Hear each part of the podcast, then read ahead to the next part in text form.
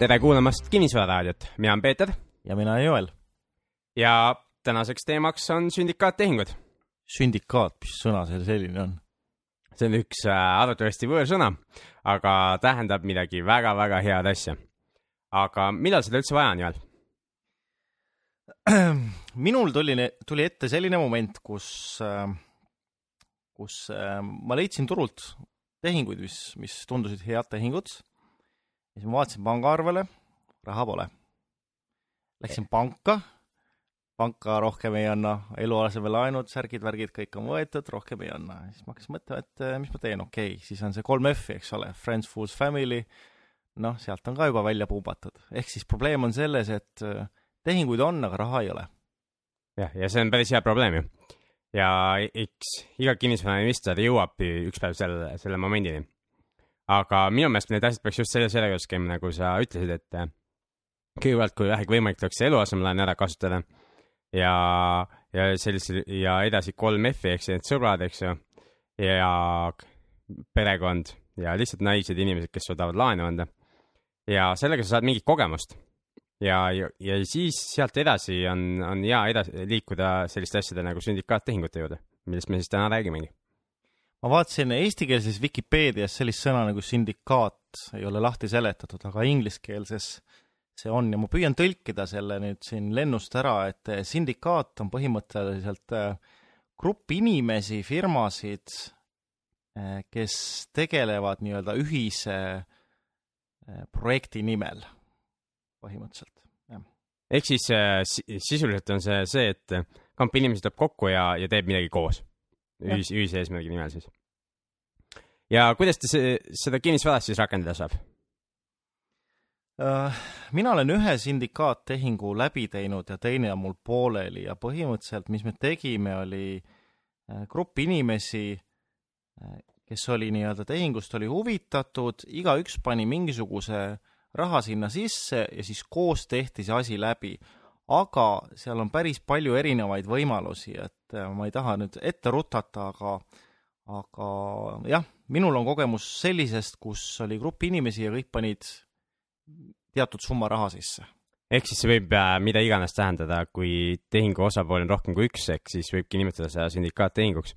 ja üks variant on see, nagu Joel ütles, et, et lihtsalt tulevad inimesed kokku, igaüks paneb raha sisse ja et ja on ka võimalik äh, ja mis tegelikult rohkem võib-olla isegi levinud, on see, et on üks aktiivne pool ja siis on terve hulk investor pooli. või on siis üks investor pool või mis iganes, eks ju. no investorid, vaata, investor on tavaliselt see, kes paneb raha, ma pigem täpsustaksin, et äh, on aktiivne pool ja siis on passiivsed. just, passiivsed investor pooled, eks ju, kes ja. annavad äh, siis äh, raha ja, ja siis aktiivne pool teeb kogu selle tehingu ja, ja tõesti võib kokkulepe olla, et see aktiivne pool oma raha sisse ei pane kuigi alati loetakse heaks märgiks, kui aktiivne pool on ka natukene oma raha mängu pannud.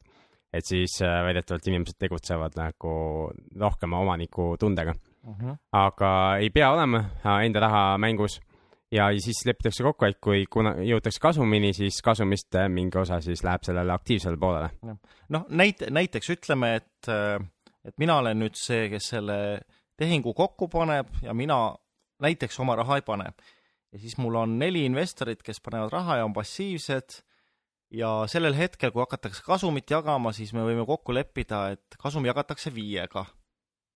just nimelt, et neli inimest peab raha ja viis tükki viiega jagatakse. jah, et äh, investorite, äh, mis kasu investorid saavad, on see, et nemad ei pea ise nii-öelda käsi mustaks tegema, aga keegi teenib raha neile nii uskumatu, kui ka see ei ole, on maailmas olemas inimesi, kellel ei ole aega, aga on raha. Ja sama uskumatu on see, et on olemas inimesi, kellel on aega, aga raha ei ole.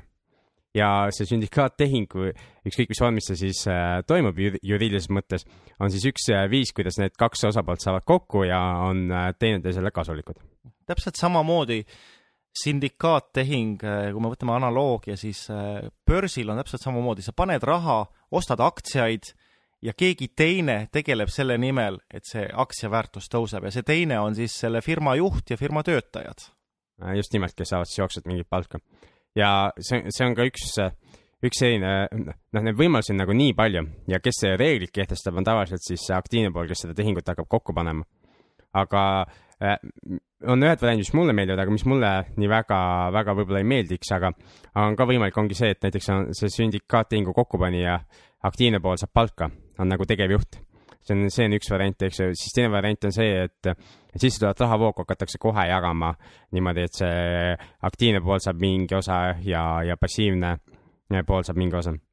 Aga mis mulle nagu kõige niisugusem sümpaatsem äh, mõtteliselt vähemalt on, on see, mida me äh, ka USA koolitusel käies õppisime, see, mis me oleme viimased äh, mitu nädalat rääkinud saadetes, on siis Ken McElroy tehingud, kus, kus tema kui tehingu kokkupanija hakkab siis seda kasumit saama pärast seda, kui investorid on oma kapitali tagasi saanud. jah kas me lähme kohe selle Kenni asja juurde või seletame natuke veel taustasid lahti? aga räägime, räägime natuke sellest Kenni tegevusest Ühendriikides ja, ja siis räägime sellest, mis, mis sa, Joel, oled siinsamas kodule lähemal teinud.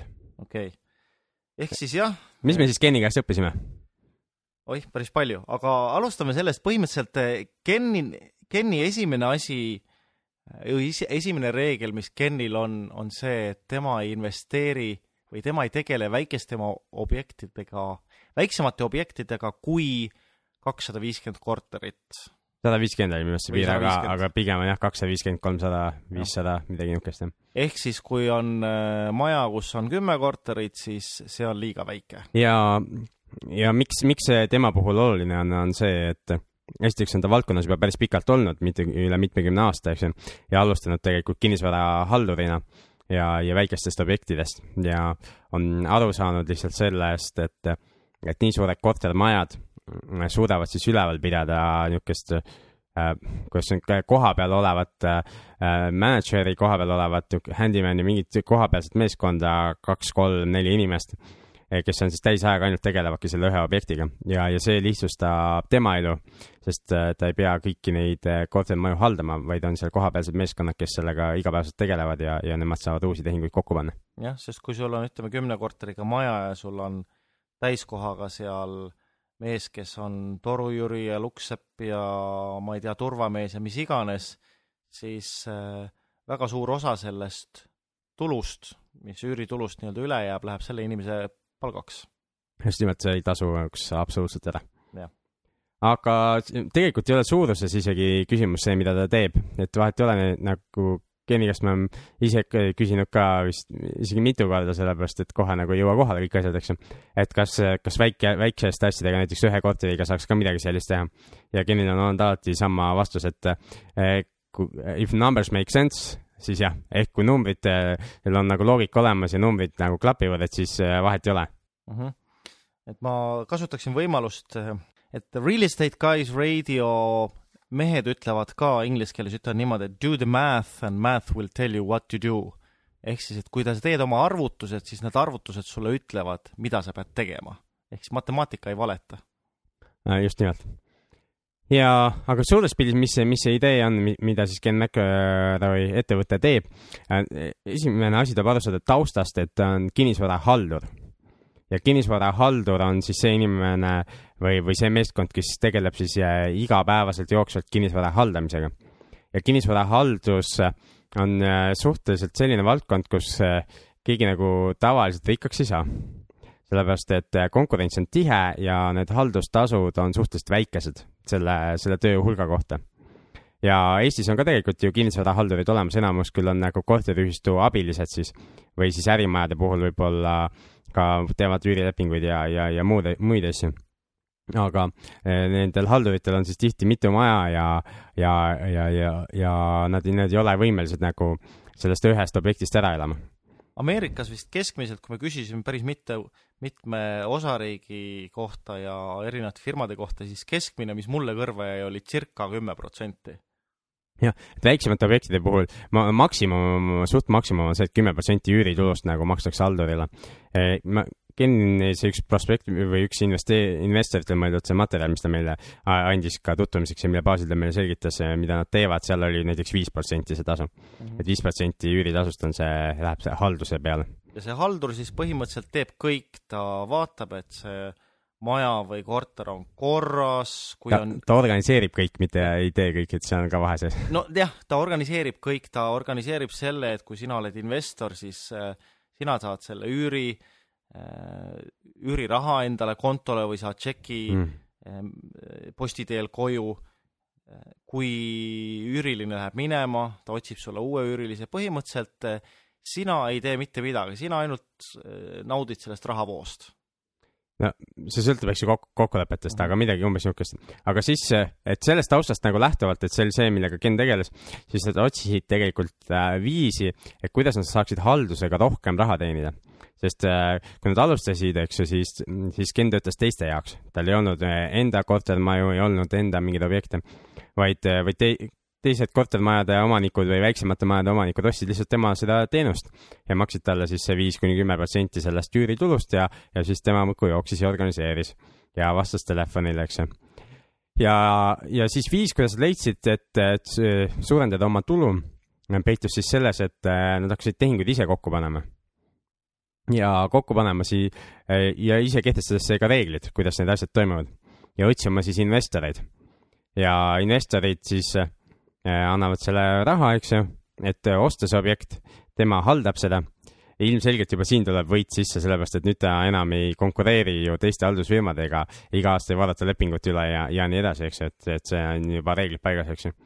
ja pluss siis äh, seal juures on siis see, et, et kui investorid on oma kapitali tagasi saanud, siis, siis mingi osa sellest kasumist äh, sa, läheb siis selle Ken McElroy ja, ja tema partneri ettevõttele jah, et äh, põhimõtteliselt kui uuesti nagu lahti seletada, siis äh, millega Ken tegeleb, on äh, tavaliselt nad kaasavad või noh, nad kaasavad kõikidesse tehingutesse investoreid ja Ameerikas on selline termin nagu accredited investor mm. -hmm. Accredited investor on selline inimene, kes teenib vähemalt kakssada tuhat dollarit aastas või perekonna peale siis mees ja naine kokku kolmsada tuhat dollarit ja nende vara on vähemalt miljon dollarit, ütleme siis majad, suvilad, mis iganes pangaarve peal kokku rahad.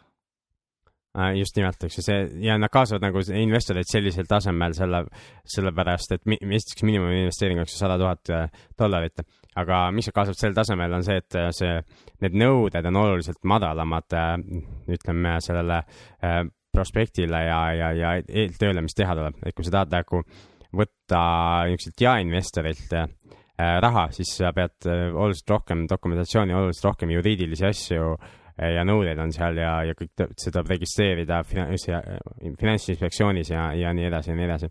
et see on oluliselt keerukam, on, on väikeinvestoritelt raha kaasamine.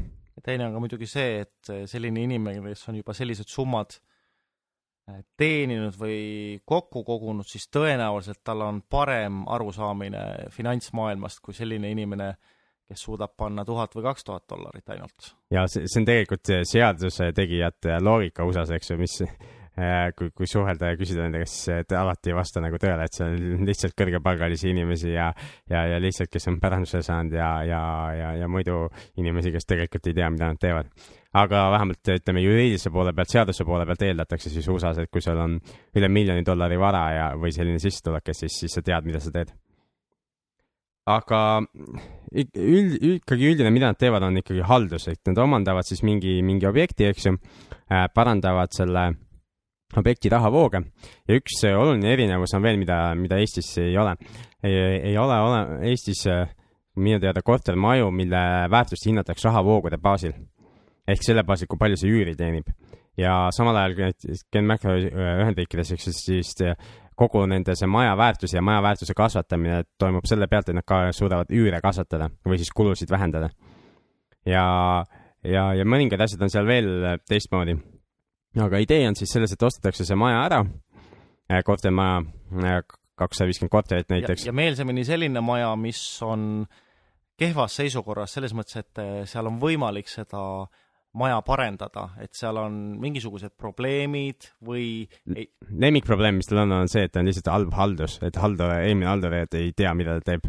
jah, ma ei mäleta, kes, kes see rääkis, keegi, kes käis Ameerikas meiega minu arust rääkis, et oli mingisugune maja, kus äh, osad torud lihtsalt tilkusid läbi või kraan tilkus. ja see oli äh, ole Ken McRae'iga seotud objekt Jah. aga jah, et paar meie inimest, kes meiega USA-s käisid ja olid veel nädal aega kauem ja siis leidsid, leidsid näiteks siukse maja müügis, et kus, kus äh, omaniki ja halduri vaheline suhe vist ei olnud kõige parem ja omanik ei olnud nõus midagi kulutama sinna majja ja tahtis vist müüa seda mingi üüretu hinnaga ja, ja siis haldur ei saanud nagu midagi teha, et kui korteris näiteks hakkas kraan tilkuma, ehk siis ta ei saanud ära parandada, siis üürikud lihtsalt kolisid välja sealt korterist ja, ja oli edaspidi tühi see korter ja, ja jumal sellega, eks ju. jah, tõenäoliselt äh, sellise pisikese probleemi lahendamine ei võta väga kaua aega ja ei ole ka väga kallis. jah, aga see ongi halb haldus Jah. ja, ja või, või napakas omanik, eks ju, eelmine. Aga siis, mis nad teevad, on siis, eks ostetakse see ära laenuga, siis äh, parandatakse see probleem, mis seal on, tõstetakse, eks ju, rahavoogu läbi selle, et üüre. ja, ja, ja siis refinantseeritakse kogu see objekt. refinantseering tähendab seda, et minnakse panka, näidatakse nii-öelda paberid, näidatakse need rahavood, palju seal on üürilepingud, palju sealt raha tuleb ja pank annab siis sellest ähm, noh, ma ei oska öelda, ütleme viiskümmend kuni kaheksakümmend protsenti siis annab selle väärtusest laenu just, ja see laen siis läheb investoritele tagasi. ehk siis investorid said kõik oma raha tagasi, mis nad sinna sisse panid ja nad on ikkagi omanikud. midagi ei ole müüdud. et äh, just eriliseks, mis teebki selle, selle asja, on see, et need refinantseeritakse ja, ja ehk võetakse siis uus suurem laen sellele majale peale ja see, see, see protsess võtab aega neil. Ja neil, neil tavaliselt läheb kaks kuni viis aastat selle jaoks, et see suur maja nagu ümber äh, korraldada need asjad. Ehk renoveerida mingid osad, eks ju, ja, ja, ja kõik üürilepingud saaksid uued ja nii edasi. Ja, ja siis võetakse see suurem laen peale ja siis selle laenu arvelt äh, tagastatakse investoritele nende raha. ja nüüd edaspidi see raha, mis sisse tuleb kasumina, eks ju, siis, siis see jaguneb juba investori ja siis selle Ken McElroy selle haldusfirma vahel. et kui ennem, kui sinnamaani, kui nad investori ei ole veel raha tagasi saanud, siis enamasti, enamus rahast läheb investorile. et see, selline loogika on näiteks ne- nende, nende, nende tehingute puhul jah, nii et põhimõtteliselt Kenni firma ei pane raha üldse sisse ja ei saa raha välja enne, kui investorid saavad raha tagasi, aga peale seda, kui investorid on raha tagasi saanud, siis nii-öelda elu lõpuni Ken saab mingisuguse osa sellest äh, rahavoost just tänu sellele, et ta pani selle tehingu kokku ja ta haldab seda ja lõpuks ka eh, mingi protsendi siis müügihinnast, mis, mis müümisel kasum tekib kuna, kunagi arvatavasti tuleb ka igal objektil aeg äh, sellest vabaneda, järgmistele investoritele edasi anda see Jah.. ja, ja see tundub nagu hea loogika, et te võite ise mõelda, et kui te jätksite sellises investori positsioonis, kas teile meeldiks äh, selline lähenemine või meeldiks teile mõni, muu lähenemine ja äh, küsimegi Joali käest, et äh, mis, mis te siin Eestis tegite? meie, kuidas ma nüüd ütlen ilusasti, meie ka mängisime sündikaattehingut või harjutasime. Et- Äh, aga õppimine oligi ju teie eesmärk. täpselt nii, õp-, õp-, mäng ongi õppimine. kui sa vaatad eh, väiksed lapsed, et sinu laps ei ole, aga minul on kaks tükki ja mida nad teevad, nad pidevalt mängivad. Mängivad kodu ja ükskõik, mida mina teen, siis nad mängivad järgi Mm -hmm. seda, et ja, ja miks nad mängivad, on see, et nad õpivad kõige efektiivsem õpp, õppimine tegelikult toimub läbi mängu, seepärast mulle meeldib see Cashflow lauamäng ka tohutult, et, et äh, tegelikult üks väheseid lauamänge, kus ma tean, kus saab in- investeerimist õppida ja just niisugust äh, tervet loogikat, et on mingeid mänge veel, mis õpetavad nagu spekuleerima aktsiatega ja ma ei tea, mingeid muid lollusi tegema. ja, ja nii, ja nii edasi, eks ju. aga Cashflow mäng on see, mis õpetab just eraisiku tasandil oma jõukust kasvatama. ja, ja selles on see mäng nagu väga hea. mis mulle endale mängude juures meeldib ka see on, kui sa mängid teiste inimestega, siis see mäng reedab, milline see inimene tegelikult elus on. just, et äh, siis Daddy seltskonnas on meil ütleme, et mängud peegeldavad käitumist. ehk siis äh, see, kuidas inimene mängus käitub, eriti kui ta esimesi kordi mängib, siis, siis enamasti on täpselt sama, nagu inimene päriselus toimetab. jah, mina isiklikult äh,, mulle ka meeldib mängida, mulle meeldib sporti teha ja palli mängida ja mõnikord on niimoodi, et kui pallimäng ei lähe, siis äh, hakkavad reketid lendama. aga, aga noh, ena-, enamus juhtudel, eks ju, inimesed suudavad ikkagi oma emotsioone kontrollida, aga järgmine kord, kui sa mängid kellegiga mõnda mängu, on see siis sport või lauamäng või midagi, siis äh, jälgi ennast, kuidas sa käitud ja siis äh, vaata, et kas see peegeldab ka sinu päriselu käitumist ja vaata ka teisi inimesi, et mis, kas nad on hulljulged või niisama lihtsalt pea ees tormavad kuhugile või nad on äh, kaalukad ja mõtisklevad, et tõenäoliselt see räägib selle inimese kohta okei okay,, aga mis te siis tegite ja, ja mis te sellest õppisite? aga mis me siis tegime eh,? nagu me sissejuhatuses rääkima, rääkisime, et eh, leidus tehing, mis oli hea tehing, aga minul endal raha selle jaoks ei olnud. ja kus see asus ja mis see oli? See oli Mustamäel Akadeemia teel selline ühetoaline korter, tavaline niisugune viie, viiekordne maja tüüppkorter okay.. see oli enampakkumisel ja, või tähendab, see ei olnud enampakkumisel, aga see oli äh, mingi jurist müüs, sellepärast et eh, omanik suri ära ja ei olnud pärijaid. okei okay., päris huvitav. siis keegi lihtsalt müüs seda ja hind oli noh, ikkagi kõvasti alla turuhinna. Ja, ja mis ma siis tegin, ma leidsin kümme inimest, kes olid ka huvitatud sellest. sinuga koos kümme või sulle lisaks kümme? meid vist oli kokku kümme. kokku kümme, okei okay meid oli alguses, kellel oli huvi, oli rohkem, aga sellel hetkel, kui oli vaja raha rahakotist välja võtta, siis osad kadusid ära see on alati niimoodi, et äh, see, kõik on huvitatud, eks ju, kõik tahavad igasugu asju, aga siis on okei okay,, nüüd on vaja raha üle kanda, siis on, ma ei tea mhm. okei aga kümme inimest jäi kampa? kümme inimest jäi kampa ja tegelikult äh, taustast veel nii palju, et äh, et meil on oma selline pisikene cash flow klubi, mis ei ole nii süstemaatiline, nagu on sinu, Peeter, sinu klubi, aga meie klubi üks asi, mis ma paika panin, kui me selle klubi tegime, oli see, et me tahame õppida ka praktilist poolt. ehk siis -hmm. me käisime neid teooriaid läbi, õppisime natuke majandust ja mängisime cash flow mängu ja siis me leppisime kokku, et me teemegi ühe sellise sündikaattehingu koos ja me tegime, firma tegime, kõigepealt tegime firma, kõik olid omanikud seal, oli jagatud äh, võrdselt see, see osakapital omanike vahel ja siis me jäime ootama seda tehingut.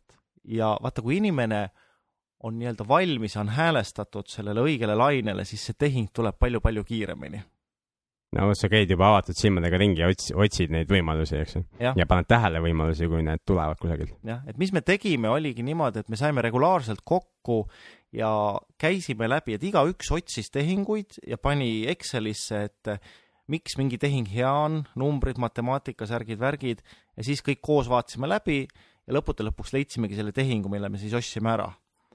ja, ja palju see maksis siis? see oli kakskümmend üks ja pool tuhat eurot. okei okay Äh, läksime sisse, kõige huvitavam oli see, et enne kui me selle ära ostsime, siis äh, helistasime sellele juristile, et kas vaatama võib minna, jah, et võib küll, et äh, võtmed on elektrikapis see on hea, ma olen ise ka sellega kokku puutunud kunagi, kunagi mingit kolmetoalist korterit vaatama minnes, kus samamoodi öeldi, et võtmed on kusagil seal ukse kõrval, et minge vaadake siis, kui tahate. ainult, et alt uksest, kuidas sisse saate, see on oma probleem. jah, meil oli ka, me alguses ootasime seal väljas, aga kuna oli talv ja külm, külm aeg, siis hakkasime lihtsalt helistama läbi niikaua, kuni keegi tegi, noh, võttis vastu ja siis me ütlesime lihtsalt, et me tuleme seda ja seda korterit vaatama, et inimesed teadsid, et see korter on tühi, sest see oli, see oli aastaid kas see oli kaks tuhat kuus aastast tühi olnud, et päris kaua. ja, ja läksime siis sinna ja noh, talvine aeg, äh, pime, et korter oli täiesti pime, elektrit ei olnud, gaasi ei olnud mitte midagi. me seal esimene kord mobiiltelefonide valgusel üritasime vaadata, et mida me siin ostame, eks ole, aga siis me olime ikka nii targad, et me tulime päeva, päevasel ajal ka vaatama see on hea mõte. kusjuures imelik on minu meelest see, et iga kord, kui me seda bussituuri teeme või, või oleme käinud aktiivsemalt kortereid jälle vaatamas, siis alati leidub nagu mingisugused niisugused erilised pärlid, mingi korterid, kus keegi geniaalne tegelane on nagu kogu valgustuse kõik kaasa võtnud. et äh, kindlasti on parem pimedas korterit osta. jah, ja, ja siis me vaatasime ja meie üllatuseks äh, see korter oli selles mõttes, ta oli nagu puhas, et kõik see sodi ja kõik, kõik oli välja viidud. loomulikult korter on vana ja on aastaid olnud kasutamata, aga esimene esimese tööna seal korteris ei olnud vaja hakata mingisugust sodi ja mööblit välja viima, et selles mõttes korter oli lihtsalt äh, neli seina. ja see on päris hea algus ju, kui hakata renoveerima. see on päris hea algus, sellepärast et see hoiab sul aega ja raha kokku, sest see sodi äraviimine tegelikult maksab. Just, ja võtab aega ja siis peab teadma, kuhu seda saab viia ja mis hinnaga seda saab viia ja nii edasi. jah. ja siis me vaatasime, et äh, noh, et niisugust tehingut me oleme, olemegi otsinud ja, ja siis me otsustasime, et me ostame selle ära, ostsime ära ja siis istusime maha, et mis me nüüd edasi teeme okei okay., ja mingit plaani enne ei olnud, jah? plaani enne, tähendab, selline plaan oli, et me teeme ta korda, müüme maha. okei okay,, aga mida tähendab korda tegemine, see on kindlasti kümme inimest, ma kujutan ette, et teil oli vähemalt kakskümmend eriarvamust. ja seal, seal tuligi nii-öelda siis see esimene õppetund on see, et mida rohkem kokkasid on köögis, seda hullem supp tuleb. Need kümme inimest, kes meil olid, me kõik tundsime teineteist, et selles mõttes meil ei olnud nagu usalduse probleemi. Et kui sa võtad kümme inimest lambist kuskilt tänavalt, üks Ida-Virumaalt, teine Pärnust, kolmas Narvast ja nii edasi, siis tõenäoliselt sellest ei tule mitte midagi, aga meil oli see eelis, et, et me ikkagi tundsime teineteist. ja see on tegelikult on üks väga-väga oluline asi, on eks ju usaldus ja, ja, ja kui tõesti niimoodi teha, siis et kõik, kõik, kõiki tunneksid ja mitte, et on üks inimene, kes tunneb siis kõiki omavahel inimesed ei tunne ja siis peab midagi koos otsustama hakkama. Ja mis siis edasi oli, siis oligi esimene asi oli see, et me otsustasime ära, et okei okay,, et me teeme ta korda, mis tähendab seda, et meil on vaja remondimehi. alguses mina tegelikult julgelt ütlesin, et ei, ei, et me teeme, ise teeme nii palju kui võimalik, et saab nagu seda ehituse kogemust ka, aga see nii-öelda äh, see kuldne idee ei saanud väga palju siis äh, toetust lõppude lõpuks ja see oli ka õige, et me seda ise ei hakanud tegema. kas see IT-mehed ei tahtnud siis remondimeesteks hakata? Kuule jah, et kuna nii-öelda tarkvaraga ei saanud seda korda teha, siis me otsustasime, et ei, et see riistvara ei ole meie teema okei okay,, need IT-naljad. okei okay,, aga leidsid, kuidas siis läks remondimeeste leidmine? siis oli niimoodi, et äh, igaüks vaatas nagu oma tutvusringkonnast, kas on äh, remondimehi ja, ja võtsime pakkumised, need olid erinevates hinnaklassides, siis lõppude lõpuks siis äh, otsustasime ühe inimese kontakte kasutada, kes, kellel olid remondimehed, kes olid äh, enne ka päris palju teinud ja, ja siis leppisime kokku, nad tegid hinnapakkumise, et palju see maksab, palju see aega võtab ja siis me lõime nii-öelda käed, et davai, et hakkame tegema lepingut, ei, ei mitte mingisugust suusõnaline kokkulepe, et see oli nii-öelda teine viga. Õnneks midagi metsa ei läinud, aga tulevikus kindlasti kõik asjad lepingutega. Miks siis nii, mis siis, äh, mis sulle ei meeldinud siis? Äh, hiljem oli päris palju ikkagi sellist nii-öelda läbirääkimist, et mis siis kuulus sinna hinna sisse ja mis ei kuulunud. okei okay,, seda küll jah, sest äh, töömehed ju unustavad ära igasugu asju, eks ju, panevad suures pildis läheb nii palju ja siis saab, aa, need väiksed asjad ja siis saad pool summat juurde veel, eks ju. Te, teil läks samamoodi või läks kuidagi paremini? Äh, lõppude lõpuks meil läks ikkagi suhteliselt valutult, aga vahepeal olid jah, sellised hetked, kus äh, läbirääkimised käisid ja tundus, et oleme nii-öelda sellises seisus, et ei, ei leia lahendust, aga lõppude lõpuks läks kõik hästi, et selles mõttes äh, äh ei olnud väga hull õppetund. aga muidugi meil oli niimoodi, et äh, me saime kaks korda, kogu selle protsessi vältel me saime kaks korda nädalas kokku ala äh, A tund või poolteist ja kui on kümme inimest ja ütleme tund aega, siis see on kümme tundi, eks ole, kümme inimtundi. kui sa teed kaks korda nädalas, see on kakskümmend inimtundi, lihtsalt nii-öelda see planeerimine ja management ja ise me ju ei ehitanud. arutamine, kuidas ehitama peaks nojah, et seal oli, et milliseid materjale kasutame ja mis on värvitoonid, see, värvidega oli päris huvitav, me käisime, käisime värve valimas, et mis värvitoonid on, mis on köögis, mis on esikus, mis on seal elutoas. nii.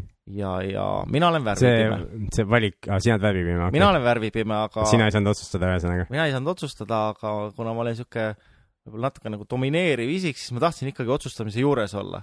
ja siis me olime seal kaaraudas, vaatasime neid värvikaarte ja no seal läks ka ikka oma tund aega ja ma ei mäleta, kas meid oli neli inimest või.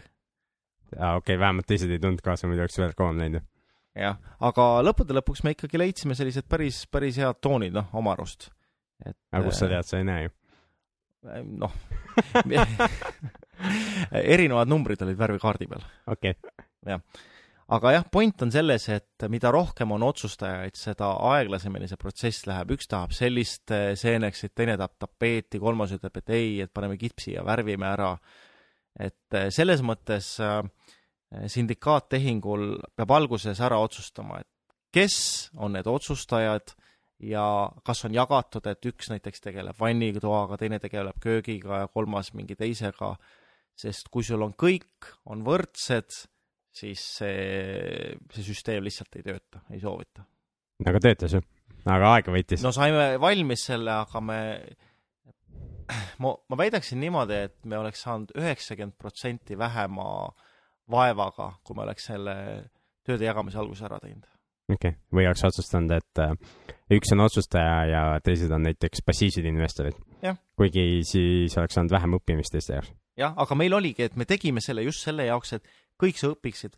me leppisime alguses kokku, et see on äh, nii-öelda meie kooli õppetund, vahet ei ole, mis juhtub, et äh, vaikimisi on kokkulepe see, et kui see tehing on läbi, siis igaüks läheb oma teed, kui keegi tahab koostööd teha, palun väga, aga see on nii-öelda see õppetund saab läbi sellega, kui vara on müüdud ja äh, raha, mis siis loodetavasti teeniti, on ära jagatud. Ja see on tänaseks tehtud? tänaseks äh, vara on müüdud, aga raha veel jagatud ei ole, et, et meil oli niisugune äh, või me võtsime nädal aega nii-öelda pausi, mõtlemisaega ja nüüd me siis äh, lähitulevikus teeme ka selle jagamise ära, aga meil oli niimoodi, et meil oli äh, avatud raamatupidamine äh, selles mõttes avatud, et kõik nägid, mis toimus, iga tehing läks äh, dokumenti ja kõik nägid seda dokumenti. Üks inimene haldas seda, aga kõik nägid, et mis toimub, et selles mõttes nagu üllatusi ja ja mingisugust raha kõrvalepanemise võimalusi, need olid nagu elimineeritud ära mm. -hmm. ja täitsa okei okay, variant, eks ju, kui ei ole seltskonnas kedagi, kes äh, hakkaks igast väiksest asjast nagu tüli tekitama. jah, ja meil oligi üks inimene, keda huvitab raamatupidamine finants ja siis tema võttis selle äh, oma õlgadele ja minu, minu teada tal on ka sugulane, kes on professionaalne raamatupidaja, et ta sai sealt siis, sai abi ka. okei okay. ja kõik muidugi toimus läbi firma, nagu ma ütlesin, et me tegime firma enne, enne kui me selle mis sellest firmast edasi saab äh,? ma ei oska öelda, ma arvan, et see firma jääb edasi, sellepärast et meil on juba teine sindikaattehing on juba käimas, on ka ära ostetud ja sellesama seltskonnaga siis äh,? see on äh, kolm sellest kümnest okei okay., aga ka ülejäänud osanikud siis? ülejäänud osanikud ei ole, et me kutsume seda nime ka projekt kaks, et projekt kahes siis on väiksem arv inimesi ja see oli teadlik, et kui me hakkasime seda ostma, siis me pakkusime seda võimalust ja enamus eh, lihtsalt otsustasid mitte osaleda selles projektis. okei okay. ja asi lõppes siis kuidas, kasumiga, kahjumiga? asi lõppes kasumiga. ja palju te siis kümne peale kokku teenisite? Äh, ma panen protsentidesse, et sest äh, kuigi tegelikult see ei olegi vist kõige olulisem asi, sest äh, point oli rohkem selles, et õppida, kuidas asi käib, eks ju? point oli see protsess läbi käia, sest enamus inimesed ei olnud kunagi midagi sellist teinud, paljudel inimestel ei olnud mingisugust firmakogemust ka, nüüd kõikidel on see olemas, et selles mõttes ma võiksin väita, et inimesed on rahul. aga numbritest nii palju, et ma absoluutseid numbreid ei ütle, aga kogu see protsess võttis aega circa kolm kuud. okei okay müümise peale läks umbes kuu aega, ehitamine läks ka umbes kuu, natuke võib-olla üle kuu. sa alguses muidu ütlesid juba selle ostuhinna, et, et see kakskümmend üks tuhat viissada või mis see oli, jah? ja selle kolme kuu jooksul me teenisime, mul täpne number ei ole nüüd peas, aga üle kaheksateist protsendi kasumit. okei okay sealt võib ju arvutada, see on mingi neli-viis tuhat eurot. jah, aga, aga ma ei ole öelnud, palju ehitamise peale läks, nii et see, see jääb mõistatuseks. kas see ehitus on sealt seest siis jah, nelja-viie tuhande sees või, ostu-müügi hinna vahe või, või kuidas? ei no tähendab, ehitus oli eraldi ja siis me saime veel kasu, kui me müüsime, eks ole. okei okay,, okei okay.. aga kasu on siis kaheksateist protsenti umbes? okei okay.. neto, netokasum iseenesest päris hea ju kolme kuu kohta no täitsa okei okay,, sest kui sa mõtled, et äh, üürikorter, noh, oleneb äh, kellel, milline korter on, teenib ütleme viie ja viieteistkümne protsendi vahel keskmiselt, et äh, aastas? aastas jah, ja see oli nüüd kolme kuuga kaheksateist protsenti, et mm. aga ainult, et see on ühekordne, nüüd peab hakkama uut tehingut otsima ja jah, et kui see raha on kontol, et siis rohkem enam raha ei tiksu kuskilt. just, nüüd võite tähtajalise hoiusele panna ja saada ühe protsendi aastas. jah, või fondi just, ja poolest ilma jääda. okei, aga, mis sa õppisid veel sellest äh, sündikaattehingust? Äh, ma õppisin sellest, et äh, ma tean nüüd, et see protsess toimib, see tähendab seda, et tänasest päevast edasi, kui mul endal raha ei ole, siis ma vähemalt tean, kuidas on võimalik edasi minna niimoodi, et endal raha ei ole. ma ei väida, et ma kõike nüüd seda tean briljantselt, aga äh, aga, aga kindlasti järgmine tehing juba läheb hulga efektiivsemalt mm. -hmm. ja veel midagi, mõni õppetund? õppetunde palju ja, ja need, kes tulevad tuleva nädala lõpu kinnisvarakoolitusele, siis kindlasti jagan rohkem õppetunde, et võib-olla siin raadios, raadios aitab küll tänaseks jah, et neljas-kuues mai Joel on ka üks esinejatest ja, ja räägib sellest samast sündikaattehingost, ma saan aru, et see näitab pilte ka seal. et raadios, raadios pilte näidata ei saa? jah, raadios ei saa, jah. ja, ja, ja siis Joel räägib seal ka uuesti sama lugu ja, ja veel täpsustavalt saab küs-, küs-, saab küsida küsimusi ja nii edasi, need, kes kõik sinna osalema on tulemas, siis kuulevad seda. aga loodame, et see panite midagi kasulikku endale kõrva taha ja kui raha ei ole, siis nüüd teate, et see ei ole tegelikult takistuseks. otsige need head tehingud üles ja leidke siis teised inimesed, kellel on raha, et need tehingud teha. see oli jah, võib-olla ma mainin seda veel, et sii-, sellel hetkel, kui see tehing leidus, me leidsime selle tehingu või selle objekti ja kui me panime numbrid nii-öelda, arvutasime välja, mis potentsiaal seal on siis oli, kõikidel oli väga-väga suur huvi, kõik, kes selles tehingus osalesid, kõik nägid, et eh, jah, et see on hea tehing. et eh, nagu siin saates ütlesime, et do the math and math will tell you what to do. et see tegelikult, eh, tegelikult on väga hea ütlus. just, et arvuta, pane numbrid nagu valemitesse, arvuta välja, mis, mis on võimalused ja, ja, ja siis selle järgi näedki, kas tasub asjaga tegeleda või, või kui on negatiivne tulemus, siis noh, ilmselgelt ei tasu. jah et kui sa lähed näiteks inve-, investorite jutule selle tehingu ja numbritega ja kui investor ei ole sellest huvitatud, siis tõenäoliselt see, seal on kaks võimalust, kas investor ei jaga matsu või teine on see, et see on halb tehing. just, või ta, ta ei huvita kinnisvara. nojah. ka, ka võib olla variant. see läheb võib-olla selle esimese alla siis, aga aga aitäh teile kuulamast tänast Kinnisvara raadiosaadet ja kohtume teiega juba nädala pärast. nägemist